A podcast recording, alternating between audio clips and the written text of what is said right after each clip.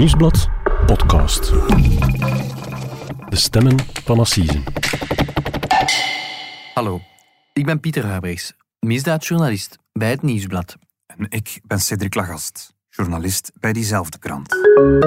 En dit is onze podcast Stemmen van Assise, waarbij we voor elk belangrijk proces in een zaak duiken en u meenemen achter de schermen van de rechtszaal. En deze aflevering gaat over dag 2 van het meest gemediatiseerde proces van het jaar. De verdediging van televisiemaker Bart de Pauw.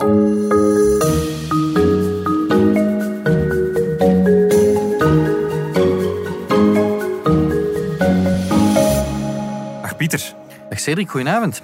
Welkom terug uit Mechelen. Het is nu donderdagavond hier in de studio. Dag 2 zit erop en daarmee zit ook het volledige strafproces van Bart de Pauw erop. We hebben uh, een Bart de Pauw in tranen gezien vandaag. De actrices die hebben daarnet het laatste woord gekregen in de rechtszaal. Jij hebt voor ons opnieuw de hele dag het proces gevolgd. En we willen graag van jou weten wat jouw indrukken van die dag zijn. Um, vandaag zou Bart de Pauw het woord krijgen.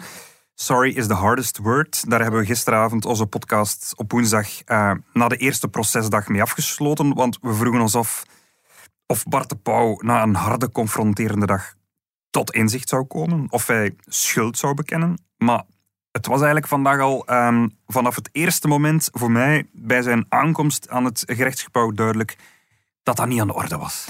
Nee, dat klopt, Cedric. Gisteren, de ochtend voordien, uh, zei hij ook al bij aanvang van het gaat bruut worden. En mm -hmm. nu, nu, nu loste hij ook enkele quotes voor de camera's die hem stonden op te wachten uh, voor, het, uh, voor de rechtbank in Mechelen. En hij zei al meteen voor die camera's van ja, um, wat de advocaten van de actrices eigenlijk de dag voordien beweerd hebben, dat is niet juist. hij zei letterlijk, ja, je kan van alles beweren, maar je hebt ook de feiten. We gaan de puntjes hier vandaag op de i zetten, je zal verschieten. Um, ja, en ja, ging eigenlijk resoluut voor de vrijspraak. Dat was meteen duidelijk. In plaats van, van schuldbekentenissen. En opvallend, zijn vrouw was er deze keer wel bij. Gisteren was afwezig, was hij alleen, maar nu was Ines de Vos, zijn vrouw, met wie dat hij het productiehuis Koekentroef heeft, zij was wel mee. Ja, zeer opvallend. Hè. Er werd over gespeculeerd van gaat ze op dag 2 wel komen. Hè? Want op dag 1 was ze, uh, hoewel dat ze daar wel over getwijfeld had, uiteindelijk niet gekomen. Hè. was een heel pijnlijke dag uh, voor Bart de Pauw, denk ik. Mm -hmm. um, maar donderdag was ze er wel. Hè. En, en, en ze zei van ja, kijk, ik ben hier om mijn man te steunen. Um, ja, het stand by your man principe. Hè. Een opvallend statement wel van, ten opzichte van die andere dames. Van kijk, ik laat mijn man niet vallen. Ik ben hier en ik kom hem steunen. Ja, het idee was ook een beetje, denk ik, dat ze op dag één gekomen was, omdat toen die, de dames, eigenlijk, de actrices, uitgebreid aan het woord zouden komen over wat er tussen, tussen hen en Bart de Pauw gebeurd was. Maar eigenlijk vanmorgen was er ook nog een speciaal moment. Um, voordat de verdediging van Bart de Pauw aan het, aan het woord kwam, kwamen die actrices ook nog eens aan het woord. Ze kregen het, het laatste woord. Dat was aangekondigd. Mhm. Mm -hmm. um, en vijf van hen hebben gesproken, denk ik. En het is voor mij, mij, bij mij is vooral de passage van, van Maaike Kafmeijer opgevallen. Ja, dat was, een, dat was een heel belangrijk moment. Eigenlijk meteen bij aanvang van het proces al. En je moet weten, Maaike Kafmeijer is, is de vrouw die als eerste destijds aan die preventieadviseur is gestapt. Die heeft eigenlijk de bal een beetje uh, gewild, ongewild, laat ik in het midden, aan het, aan het rollen gevallen. Um, aan het rollen gebracht liever. En dat was heel emotioneel. Zij, zij keek Bart de Pauw echt uh, recht in de ogen. Ze keek hem aan. Ja, ja. ze keek hem aan. En dat maakte het zeer... Uh, ja, dat was een zeer beladen moment. En, en zij, zij, ja, zij barsten eigenlijk ook in tranen uit. Ze zei in tranen van... Bart, allee, hoe is dat nu kunnen gebeuren? We hebben dat nu zo ver kunnen laten komen. Eh, kijk toch eens wat je al die, die, die, die vrouwen hebt aangedaan. Ja, en hoe, is... rea hoe, reageerde Bart de Pauw daarop? Ja, ik denk, uh, het is natuurlijk moeilijk wat hij, om te lezen wat hij in, inwendig dacht natuurlijk, maar ja, beschaamd natuurlijk. Hij, hij, hij, kon er niet op repliceren en dat was een heel, ik ga niet zeggen een sacraal moment, maar dat was een heel belangrijk moment uh, op, op dag twee van het proces. Oké, okay. en, en die andere vier dames, ik, ik vermoed dat de zaal muisstil was toen dat zij het woord namen. De zaal was muisstil, ja. Iedereen was nog... Hè, je kent dat wel, de, de ochtendtafereel. De journalisten zijn bij manier van spreken hun laptop nog aan het openklappen. En, en het was al meteen een, een key moment op het proces. Hè. Uh, ja, Kafmeijer werd geflankeerd door vier van die in totaal negen dames dan. En, en die hadden alle, alle twee allemaal een, een persoonlijke relatie. Ik herinner me ook Ella June raar bijvoorbeeld, die zei van ja, ik moest een kort rokje dragen op de set. Dat was dan, hè, ik kreeg daar dan opmerkingen over van u. Moest dat dan de dag nadien ook dragen? Daarover gaat die ondertussen beroemde sms eigenlijk. Van, je, je bent smoking hot in dat rokje. Dat, het ging over dat rokje. Ja, dat rokje. En dat zat daar heel hoog. Dat is heel hard aangekomen. En ze vreet dat meteen eigenlijk in zijn gezicht bij aanvang van de zitting. Van kijk, wat je mij toen als regisseur hebt aangedaan. Want hij, zij moest dat rokje van hem aandoen natuurlijk. Ja, heel speciaal moment.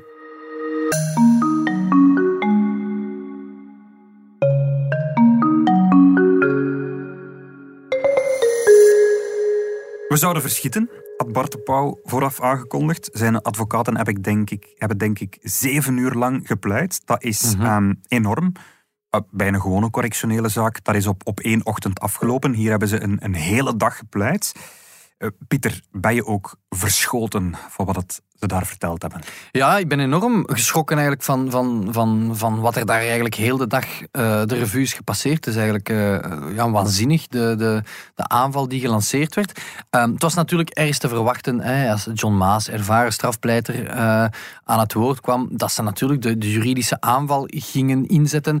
Ja, het was al het was van meet af aan duidelijk, van ochtends ook al en eigenlijk al vier jaar, van dat Bart de Pauw zich geen stalker waant, geen digitale um, overlastbezorger. Uh, mm-hmm. en, en dat moet je natuurlijk ook ergens aantonen in het strafwetboek van kijk, ja, ik ben niet schuldig aan die misdrijven, dat zijn zware misdrijven. En dan heb je met John Maas natuurlijk iemand die die dat strafwetboek door en door kent en zegt van kijk, ja, we gaan, we gaan eens even inzoomen op wat er verklaard is en vooral wat het strafwetboek zegt. En John Maas had het ook over, hij had een pets moeten krijgen en hij verwees daarmee ook naar, naar dat ondertussen bekende interview uh, van, van, van, van Tom Leenaert, van Tom Leenaert uh, waar het gisteren ook, waar de procureur het al over had, waar, waar, waar de advocaten van de burgerlijke partij over hadden. En als ik het goed begrepen zijn van, ja, heeft wel iets fout gedaan, hij had een pets moeten krijgen, maar eigenlijk niet meer dan dat. Hij heeft niks strafrechterlijks gedaan. Hij is geen stalker. Nee, dat was eigenlijk de, de hele verdedigingslijn. Vooral de ochtend van...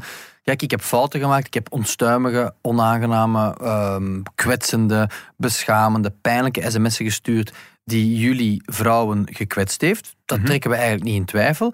Maar dat is ook zo'n beetje de, hè, de, de kant op van wat is juridisch hier? Hoe ben ik ingedekt dat ik eigenlijk wel mijn fout toegeef, maar daar eigenlijk toch niet juridisch voor kan gestraft worden. En dan kom je weer in dat strafwetboek. En dan zei John Maas van, kijk, we zitten hier met belaging, stalking. Hè. Um, ja, dan zitten we met een probleem. Want, en dan moeten we even technisch worden, de wet is veranderd in 2016. Mm-hmm. om, om, misschien even in tijd um, te specifieren. We spreken hier over een zaak die gaat van 2004, het geslachte Pauw, tot 2017, november, als de bom barst. Mm-hmm. En hij zegt, kijk, ik haal het uh, strafwetboek erbij, 2016 alles, de wet is toen veranderd. Um, voordien, voor 2016, moest een, een vermeend slachtoffer van stalking eigenlijk zelf aangifte doen. Een klacht indienen en zeggen van kijk, ik ben slachtoffer, onderzoek het. Want stalking was toen ook wel al strafbaar. Ja, ja het is altijd strafbaar geweest. Maar pas na 2016 is het een klachtmisdrijf geworden. Wat in dit geval ook is gebeurd. Dat het eigenlijk het gerecht op eigen initiatief een onderzoek kan starten als ze een vermoeden hebben of aanwijzingen hebben van, kijk, er is daar mogelijk gestalkt. En dat is ook wat er gebeurd is. Het gerecht heeft, die dames hebben nooit klachten gediend. Het is het gerecht die zelf heeft gezegd van, we gaan dat hier onderzoeken. Mm-hmm. Maar wat zegt John Maas? Voor 2016 moest er een klacht zijn. Ola, maar er is nooit een klacht ingediend. Dus hij zegt, alles van 2003, 2004, als het geslachte pauw begint, tot 2016, ja, dan moet eigenlijk de vuilnisbak in. Daar kan eigenlijk geen stalking zijn dat kan volgens de wet niet. En dan zit je natuurlijk met heel veel verhalen. Ik denk aan Diem van Poppen, ik denk aan Maaike Kafmeijer, ik denk uh, aan Willis en Mariette met Lisa Naert, een stuk van het verhaal van, van Lise Verijn. Die zouden in de ogen van die advocaat eigenlijk, van John Maas, uh, niet in de rechtszaak mogen beland zijn. Ja, die moeten eigenlijk al de vuilbak in. Blijft over alles na 2016. En daarvan zegt hij van, kijk ja, zoals ik al eerder zei hij is in de fout gegaan, maar om daar nu meteen stalking van te maken, nee.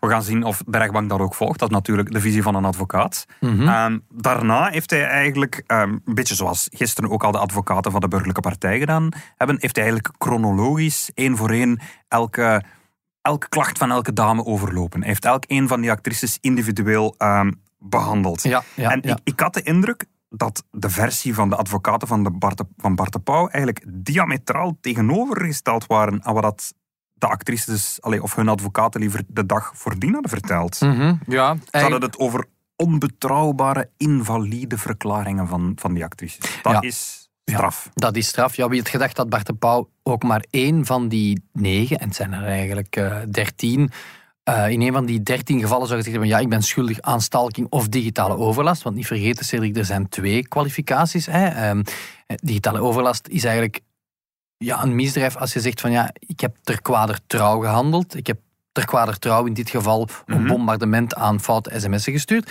En in al die dertien gevallen zegt hij, nee, Maar hij heeft, het, hij heeft het over onbetrouwbare verklaringen. Hij zegt eigenlijk, ze liegen. Ja, niet, ja, hij zegt het niet in, alle, in elk geval zo specifiek, maar het komt er wel op neer. Eh, Ja, de, de verdedigingslijn was heel, heel duidelijk, want we halen al die verklaringen uiteen. We, we, we, we, we kijken eigenlijk naar wat ze verklaard hebben in eerste instantie, wat ze later hebben verklaard. We Mhm. toetsen dat aan objectieve feiten volgens hun. En, en ja, we, we halen dat gewoon stuk voor stuk eh, onderuit. Kan je een paar flagra- flagrante voorbeelden geven van, van, van, een, van, van een paar dingen waarvan dat hij, dat hij vindt dat, dat er onwaarheden zijn verteld? Ja, een heel treffend voorbeeld vond ik bijvoorbeeld het verhaal van Jenke van der Voorde, jonge stagiaire.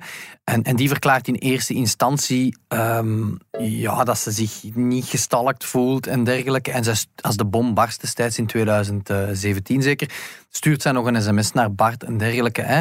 Ehm, ja, hij zei, advocaten opperen van ja, 16, nee, anderhalf jaar later zien we een tweede verhoor. En dat is precies een andere vrouw die gaat getuigen over mij. En, en Maas en John Maas en, en Michael Vragen, de twee advocaten van de Pauw, die zeggen ja, zij is eigenlijk... ehm, het gaat hier over besmette herinneringen. Hè. Hun herinneringen zijn aangetast en zijn eigenlijk besmet door een soort, ja, een soort collectieve heksenjacht, een collectief verhaal, een soort, ehm, ja, hoe moet ik het zeggen? Ze hebben elkaar eigenlijk besmet en aangevuurd om belastende verklaringen aan te aan, eh, af te leggen, liever. Hij maakt ergens ook de vergelijking. Er heeft iemand een, een klein vuurtje gestookt en dat is een bosbrand geworden. Mhm, mhm. Ja, ja, en dan zeker, zeker eh, meester Vragen was zeer, zeer, zeer fel. En, en hij schoot eigenlijk op alles op de VRT. Hè. Hij zei letterlijk van ja, had, VRT-baas eh, Paul Lemberts hier eh, niet bestaan, dan hadden we hier vandaag niet gestaan. Eh, hadden de journalisten zich niet laten oppoken, dan hadden we hier ook niet gestaan. Had die bemiddeling wel een deftige kans op slagen gehad, hadden we hier vandaag niet gaan. Het was eigenlijk, het was eigenlijk ehm, de schuld van iedereen buiten die van Bart de Pauw. En, en als je dan nu hebt, zo, je hebt die tegenstrijdigheden die zij aan, aanbrengen gehoord, was dat overtuigend? Wat was achteraf jouw gevoel daarbij? God, het is, het is, het is natuurlijk moeilijk om, omdat. Ja, het zijn heel specifieke gevallen. Hè. Ze getuigen allemaal over dat bombardement aan sms'en, dat patroon waar Christine Mussen naar verwees. Hè. Zij ziet in hem een, een serie stalker met een bepaalde manier van handelen. Dat komt altijd terug. Ja, het is natuurlijk de vraag, is dat juridisch strafbaar? En, en als je zo na acht uur pleidooien ja, dag één gemist hebt, zou je denken van, wat, wat is dat hier nu met al die vrouwen? ehm, die, die, je zou bijna compassie krijgen met Bart de Pauw, dat hij, dat hij op die manier eh, geportretteerd wordt. Maar als je dan het dossier wat probeert te overschouwen, eh, ja, dan, dan zit je toch met heel veel tegenstrijdigheden, ook in het relaas van, van Maas en, en Vragen zelf. Ehm, ja, is, het, is, het, is, het is moeilijk op een gegeven moment. Het is heel duidelijk dat zij de juridische kaart trekken en dat zij eigenlijk zeggen van al die vrouwen zijn ongeloofwaardig. Ze dikken hun verhaal aan, ze zijn leugenachtig, ze leggen tegenstrijdige verklaringen aan. Ze hebben elkaar opgepookt eigenlijk in hun relaas. Nu, die, die, die, die, zeven, die negen actrices, die, die zitten daar ook nog in de zaal. Die zeven, sorry. Die zeven actrices. Zeven van de negen zaten er. Die ja. zitten daar ook nog in de zaal. Die horen dat ook allemaal. Die horen ook dat er eigenlijk gezegd wordt dat ze flagrant liegen. Dat Mhm. het niet waar is wat ze zeggen. Hoe reageren zij daarop? Wel, ik denk dat niemand het plezant zou vinden als je dan de moed hebt gevonden om te getuigen. Hè, want ze wouden nooit een proces, maar ze zitten daar wel allemaal. Ze zijn ergens ook in die rol gedwongen. En dan krijg je daar te horen van iemand met wie je jarenlang hebt samengewerkt. En, en, en die je eigenlijk een halt hebt willen toeroepen van ja, je bent eigenlijk een soort veredelde aandachtshoer. En, en, en je zit mij hier af te maken terwijl jullie eigenlijk gelogen hebben. Er was heel veel rumoer in de zaal. Veel meer rumoer dan de dag voordien. Van hen, van die actrices of van, van andere mensen? Ja, Cedric, maar die setting is heel specifiek. Ik heb het in de vorige podcast ook opgehaald. Bart de Pauw zit daar vooraan, geflankeerd door Ines de Vos. Mhm. Daarachter zitten die advocaten. Daar rond zitten al die vrouwen, geflankeerd door hun partners. Mhm. Ehm, ja, en dan, dan komen er heel expliciete details naar boven uit de privésfeer, want alles moet gekaderd worden, alles moet de juiste context krijgen. Ja. En dan worden daar dingen verteld waar zij het flagrant niet mee eens waren. En geloof me vrij, dat waren heel veel ehm, verhalen, anekdotes, feiten waar zij totaal niet mee eens zijn. En dan krijg je rumoer. Op een gegeven moment heeft, heeft meester Vragen, denk tot drie maal toe, zich omgedraaid en gezegd van voorzitter, alsjeblieft, uh, kan het hier wat stiller zijn, want uh, ze laten mij niet uitspreken. Er werd, er werd echt. Wel, het ging niet zo ver, maar, maar er werd op een gegeven moment heel luid gelachen. Bijvoorbeeld door de, de partner van Mike Kafmeijer, Frans Schapperhuis, de, de Nederlandse cellist die, die, die kon zijn lach op een gegeven moment niet meer inhouden. Gewoon omdat hij het, zo flagrant, storend fout vond. En, en dan op een gegeven moment is de, is de, de rechtbankvoorzitter tussengekomen en gezegd van... Kijk, dit is voor velen misschien pijnlijk en hier komen details naar boven waar mensen het niet mee eens zijn. Maar we gaan er hier geen theater van maken. En ik heb begrepen dat er ook heel veel commotie in de zaal was toen het over Ella June ging. Ja, dat was een heel, heel markant uh, feit. En um, we hadden vooraf wel, wel discreet signalen gekregen dat er iets zat aan te komen. En, en dat bleek ook. En dat ging eigenlijk heel ver. Op een gegeven moment uh, stonden de advocaten recht. En het was dus de beurt. Hè. Ze gaan chronologisch van getuigen van vrouw naar vrouw om haar relaas ongeloofwaardig te maken. Mm En meeste vragen zegt van, we zwaaien hier uh, met valse stukken die door de verdediging, enfin, door de burgerlijke partijen liever, zijn aangebracht in het dossier. Mevrouw Henraar heeft geprobeerd met een vals stuk um, ons te misleiden. Het gaat, als ik het goed begrepen heb, over een therapie die ze volgt. En ze had zelfs morgens al gevraagd, tussen de lijnen door, aan die advocaten, om daar niet over te beginnen, omdat dat heel persoonlijk is. Het gaat over haar over therapie die ze volgt. En ze wou eigenlijk niet, doet er niet toe, zei ze, het heeft me niks met deze zaak te maken. Um, begin er niet over. Nee, en, en het punt is, we gaan er misschien niet te veel over uitweiden, want het is ook effectief een privézaak. Ik ken er wel de details van, maar die horen denk ik niet in deze podcast. Um, ja, op een gegeven moment uh, heeft zij iets voor in de privésfeer waardoor zij heel aangedaan is. En wat zegt het Kam de Pauw? Dat is de reden dat jij in therapie bent gegaan, niet het gedrag van Bart de Pauw. Niet en ze zeggen eigenlijk van, ja, jij probeert ons hier wijs te maken dat je bij de therapeut zit door ons, terwijl het eigenlijk iets is uit je privésfeer. Dan, ja, op, op dat moment wou Ella June raar, volgens, allee, volgens wat wij eigenlijk van op de, de, de, vijfde rij konden zien, eigenlijk de rechtszaal verlaten. Ze werd, ze werd subtiel tegengehouden en, en zij was heel heel misnoegd, was heel erg met haar hoofd aan het schudden. En, en, en ja, ik denk dat ze eigenlijk wat roepen naar Bart de Pauw, maar ze heeft zich uh, kunnen bedwingen. Ja.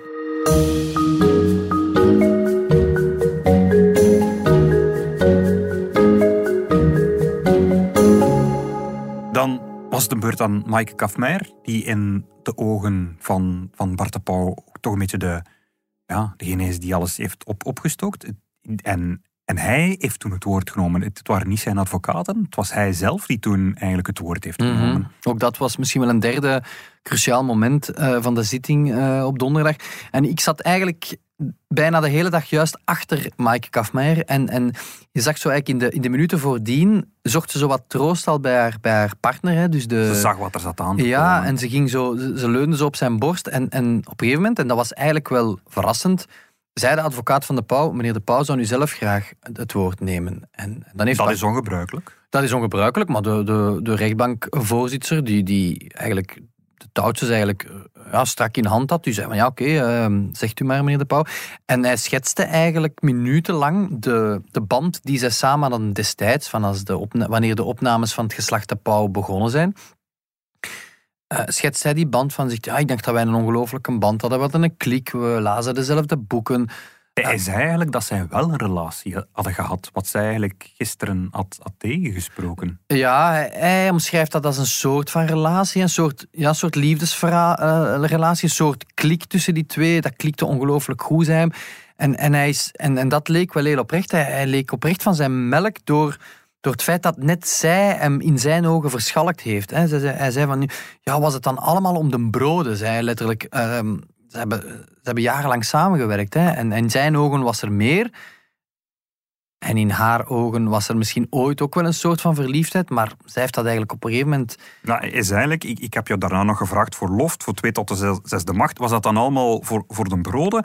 Ik vind het verschrikkelijk om dat te, dat te horen als je niet met mij had, met mij willen samenwerken, dan hoefde dat niet. Ik, daar zit eigenlijk ook een beetje een verwijt in. Eigenlijk een verwijt van, jij hebt, mij bedrogen. Want jij zag mij als een stalker, maar je bent toch altijd bij mij blijven doen alsof wij vrienden waren. Ja, ja dat, is, dat is duidelijk recht door zijn hart gegaan. Hè. Heel die, die passage. En, en hij zegt dat ook van ik wist oprecht niet, toen dat heel, heel die bom uitlekte, dat Maaike Kafmaier degene zou zijn. Ik heb dat pas drie maanden nadat die bom is gebarsten bij de onderzoeksrechter vernomen. En, en hij herhaalde dan nog eens van, dat verhoor is stopgezet. Ik was zo emotioneel, ik was echt van de kaart. En ja, hij brak ook tijdens, dat hij, tijdens die minutenlange monoloog, waarin hij af en toe in haar richting keek van, dat, dat ik echt nooit zien aankomen en waarom heb je mij dat niet gezegd en dergelijke. En dat was, was een heel speciaal moment. En was het eigenlijk achteraf gezien een slimme zet van zijn advocaten om hem op dat moment op de voorgrond te zetten? Goh ja, je moet weten, het is zijn proces en hij, heeft al, hij had al twee dagen gezwegen. Er was al een tsunami aan belastende getuigenissen tegen hem. Dan een soort uh, skutraket richting de vrouwen vandaag. En dan zit je daar met een beklaagde die, ja, die eigenlijk zelf ook aangeeft van... Ik, ik, als die bom barstte, ik wou eigenlijk met die vrouwen praten. Ik wou dat uitpraten, ik wou dat benoemen. Moest dat tot een rechtszaak komen, we hadden dat toch eigenlijk kunnen... Maar, kunnen kon hij overtuigen? Kon hij, kon hij de zaal overtuigen? Kon hij, kon hij jou overtuigen? Goh, ik, het, is, het is moeilijk. Zijn tranen zijn oprecht. Ik, ik denk dat het moeilijk was om dat te faken. En er is natuurlijk veel spanning. Hij staat, hij iedereen kijkt naar hem. Hij ziet zijn buddy van vroeger, hij kijkt recht in haar ogen en, en hij breekt. Zijn vrouw zit naast hem, dat is een heel specifieke setting. Dus dat was een soort van... Na vier jaar, die tranen kwamen daar. En die, die tranen, denk, denk niet dat die fake waren, dat die oprecht waren. Moet weten, ehm, bij de tegenpartij leek dat misschien aanvankelijk wel oprecht, maar eigenlijk naarmate het doorcijpelde hadden zij zoiets van ja, je komt daar na vier, na vier jaar huilen hier, terwijl, terwijl, terwijl iedereen op jou zit te kijken. Ja, dat is gemakkelijk. Waar was je de voorbije jaren? Hij heeft dan op het einde van, van de zitting nog eens het woord genomen op het einde. En toen heeft hij eigenlijk zijn excuses aangeboden of, of proberen doen. Ja. Hoe, hoe, hoe, kwam dat over? Of was zij de Pauw zei letterlijk van ja, ik wil mijn excuses aanbieden aan de mensen die ik gekwetst heb, voor wie ik storend ben, ben geweest, ze in een situatie heb gebracht die ze niet hebben gewenst. En ik ben niet de man waar ze mij voor willen laten doorgaan. Ik heb nooit iemand pijn willen doen. Wat niet wil zeggen dat ik het nooit heb gedaan, maar nooit opzettelijk. Ik heb geen dames willen storen in hun rust. dan gaat hij naar zijn jeugdjaren. Ik had vroeger weinig succes bij de meisjes. En plots word je beroemd en verandert alles. Je krijgt aandacht om wie je bent, wat je betekent. Plots ben je bekend, moet je geen moeite meer doen om sociale contacten te leggen. Ik wil dat niet. Ik, ik wil dat ze mij een toffe vinden. Geen viezerik. Dus hij heeft, heeft eigenlijk zijn excuses aangeboden. Uh, hoe werd daarop gereageerd? Hebben ze die excuses aanvaard? Heeft het voor een soort, soort van verzoening gezorgd? Hmm, dat is op dat eerder, is dat eerder op een koude steen gevallen, denk ik. Hè. Uh, ze hebben er uiteraard naar geluisterd. Maar ja, Christine Mussen vatte dat gisteravond laat nog mooi samen. Hè. Too little, too late. En dat is denk ik ook het gevoel dat bij die vrouwen blijft. Van, ja, waar was je dan de voorbije vier jaar, Bart? Pauw, we hebben u nooit zien huilen. We hebben u nooit u zien echt excuseren uh, tegenover ons. Er zijn nog twee dames die toen ook, twee actrices die het woord hebben genomen, denk ik. Hè? Ja, er zijn er een paar geweest, maar de, de, de meest opvallende veruit was Lisa Naert. Je moet weten, Lisa Naert is samen met Kafmaier, dus de, dat zijn de twee die naar de preventieadviseur stappen. Mhm. en, en Lisa Naert, weet ik, weet ik, is enorm getraumatiseerd door het feit dat hij destijds naar haar kot getrokken is. Hè. Ehm, jaren terug al, maar dat heeft een onwaarschijnlijke indruk op haar nagelaten. Ze heeft toen IJzo naar de politie gebeld. Mhm. En zij heeft eigenlijk de voorbije... Hij is ochtends niet aan bod gekomen. S'avonds heeft zij wel het woord genomen. En, en zij, zij, zij probeerde hem eigenlijk te refereren. En je zegt van ja, we zitten hier met zogezegd herinneringen van jaren terug. Kijk, voor mij is die herinnering alsof het gisteren was. Ik weet dat nog haarscherp. Ik, ben, ik heb dat niet opgeblazen. Ik heb dat niet veranderd. Mijn mening daarover is nog altijd zoals ik dat destijds beleefd heb. Ik, alsof, ik het, alsof ik het opnieuw beleef. En, en ja, dat, dat was een heel opvallende scène ook. Want zij barsten in huilen uit. Dat was duidelijk... Uh, ja, dat was heel emotioneel voor haar.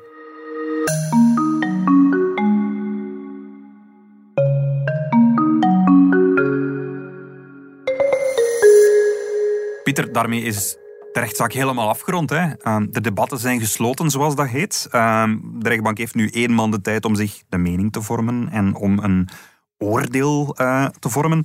Ik denk, we hebben hier eigenlijk twee diametraal tegenovergestelde meningen gezien. Hè. En mhm. het kan dus ook twee kanten uit. Porte Pauw die zegt dat er niets strafbaars is gebeurd en hij vraagt de vrijspraak. Maar die actrices, en vooral de openbare aanklager, die vinden dat hij geen schuld in zicht heeft. En de aanklager vordert daarom een straf van één jaar cel met uitstel onder voorwaarden. Dus Hm. het is de vrijspraak of een celstraf. Onder allee, met uitstel. Ja, ja, en die procureur heeft daar op het einde van de zitting nog wel iets over gezegd. Hè. Die, die had natuurlijk ook geluisterd naar die excuses van, van Bart de Pauw. Hij zei ook dat hij in therapie eh, gaat al, al, al maanden. En, en die zei, ja, er is een soort, wel, ik merk hier wel een soort beginnend schuldinzicht. Dat is alvast een goede zaak. Hè. Dat lijkt een eerste aanzet om ergens tot een oplossing te komen. Ja, als je aan Bart de Pauw vraagt wat het moet zijn, resolute vrijspraak. Hij is geen eh, stalker, geen één van die gevallen in zijn, in, eh, in zijn optiek. En hij ja, moet ook vrijgesproken worden voor die digitale overlast. Aan de overkant heb je die vrouwen die daar eigenlijk geen seconden over twijfelen. En Christine Mussen zei bijvoorbeeld nog in haar slotwoord van ja, je bent, eh, je bent gelyncht en, en nu, nu, nu wil je je verweren en nu moeten er eigenlijk langs de andere kant slachtoffers vallen en daarom ga je zo in de aanval. Ja, het kan alle kanten uit natuurlijk, hè, maar... Het, het viel mij ook op hoe vaak zijn eigen advocaten herhaalden dat Bart de Pauw zeker geen misdrijf had bekend. Je zou verwachten eigenlijk dat, ze dat wat minder de nadruk onder oplegden, dat ze dat wat onder de mat zouden vegen, vooral eigenlijk omdat je met een, bij de procureur zit die heel graag schuld in zicht wil zien. Maar, maar, maar zij bleven maar zeggen, hij heeft zeker geen bekentenis afgelegd. Hij heeft hier zeker niks, geen misdrijf nee, bekend. Nee, nee in, in dit, oh, het was natuurlijk goed, goed voorbereid wat, tot, tot, tot waar hij kon gaan, welke grens hij kon opzoeken, dat hij zeker niet een soort lapsus begaat en zegt, ik ben wel een stalker of ik heb wel gestalkt, ik heb wel overlast bezorgd. Bottom line is, hij zegt van, ik ben onstuimig geweest, ik heb mij vergalopeerd in die sms'en, ik heb heel fout gedrag gesteld, ik heb ongetwijfeld veel mensen gekwetst. Dat is fout geweest, ik besef dat. Ik heb nu ook een soort spiegel voor mij, waaruit, wa- nu zie ik mezelf en, en ik ben inderdaad misschien wel zielig geweest. Ik, ik ben veel en veel te ver gegaan. Maar om nu te zeggen dat ik echt een stalker ben, ja, daar kan ik, geen, daar kan ik niet schuldig aan pleiten. Pieter, jij hebt de hele rechtszaak van bij begin tot einde gevolgd. En langs welke kant denk jij dat het oordeel gaat vallen? Goh, natuurlijk een rechter die daar nu tot 25 november heel lang over gaat nadenken en dan een weloverwogen beslissing zal nemen. Eh, het kan alle kanten uit. Hè. Ik wil niet tjeverig overkomen, maar ja, het zou mij ten zeerste verbazen dat hij echt met een vrijspraak huiswaarts komt. Ik, ik denk eerder dat het misschien een, een, een, ja, relatief lichte straf met uitstel zal worden. Hè. Speculeren is moeilijk. Er zijn heel veel verhalen. Er zullen, heel, er zullen wat vrouwen zijn die niet, in wiens verhaal het niet bewezen zal worden dat, dat zij gestalkt worden, dat denk ik wel. Maar er zijn toch heel veel verhalen waar het denk ik heel moeilijk is voor de pauw om, om daar juridisch een eh, exit te krijgen. Oké. We, gaan dat, we zullen het vernemen op 25 november, want dat is de dag waarop dat, eh, de rechtbank zijn vonnis zal vellen. Dat is de dag des oordeels. Voilà. Ehm, ik vermoed dat, wij dan, dat jij dan opnieuw aan de rechtszaal zult staan om te horen wat daar gezegd wordt. Dan ehm, lezen we het in de krant of op de website nieuwsblad.be uiteraard. Mhm. Ik wil jou alleen nog bedanken, Pieter, om opnieuw s'avonds laat helemaal van Mechelen eh, naar onze studio te komen om dat opnieuw te komen toelichten. En eh, we zijn er volgende week alweer opnieuw met een nieuwe aflevering ehm, van Stemmen van Assisen. Dan gaat het niet over Bart Pauw, maar over een andere rechtszaak.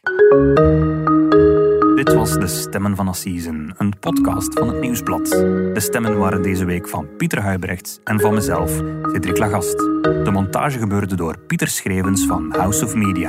De productie was in goede handen bij Bert Heijvaart.